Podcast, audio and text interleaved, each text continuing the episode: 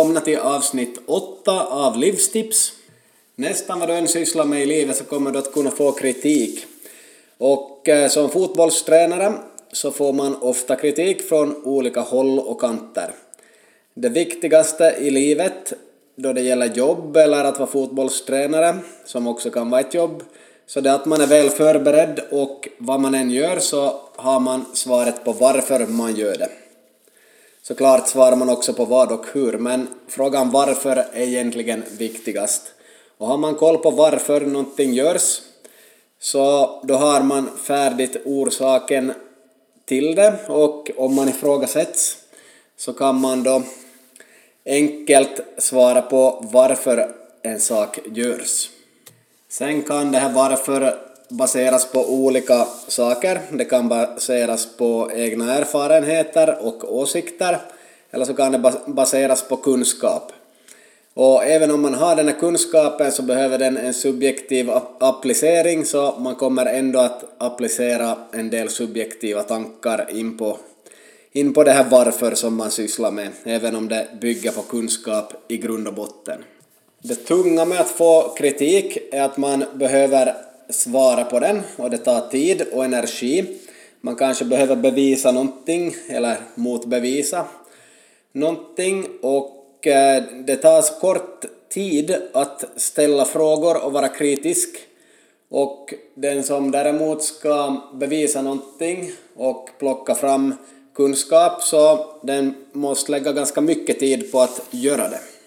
Så överlag borde det vara så att den som kommer med kritiken borde berätta hur den tycker att det ska göras istället så att den också får lägga tid på saken till att börja med. Och sen tar det förstås tid också för den som ska bevisa varför det gjordes på ett visst sätt och där går ju eh, hur som helst ändå tid för den personen. Frågan är då hur man ska svara på kritik. Om man bara orkar och tycker att det är viktigt så svarar man på kritiken genom att lägga fram så mycket kunskap som möjligt och helt klara bevis varför man gjorde som man gjorde. Förhoppningsvis hade man en bra plan och visste varför man gjorde det man gjorde och då är det enkelt. Om man saknar kunskap för sin position och bara har gjort på något sätt som man har hittat på så då kan man däremot vara lite illa ute då man utsätts för kritik. Så det gäller egentligen att vara förberedd och eh, ja, vara beredd på kritik i allting man gör. Själv är jag ganska rutinerad både inom läraryrket och inom tränaryrket redan.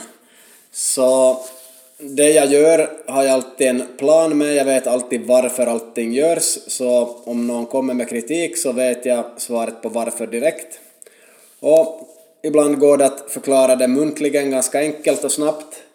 Ibland behöver jag lägga fram någon sorts bevis med olika bilder och text kanske och allt möjligt, så då tar det mycket tid av mig. Så ja, hur ska man svara på kritik? Man kan göra det på olika sätt.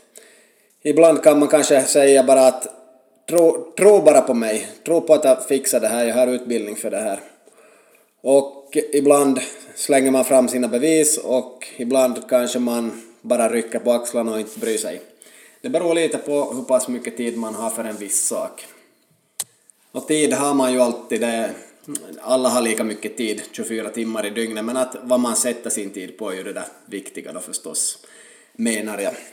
Själv ger jag gärna kritik åt folk men det visar sig ofta inom fotboll att om jag ger kritik åt någon som inte riktigt vet varför de gör någonting så är de ju bara illa ute och, och de här personerna kan sällan bytas ut ändå och är där ganska långt på frivillig basis eller för att det inte fanns någon bättre kandidat.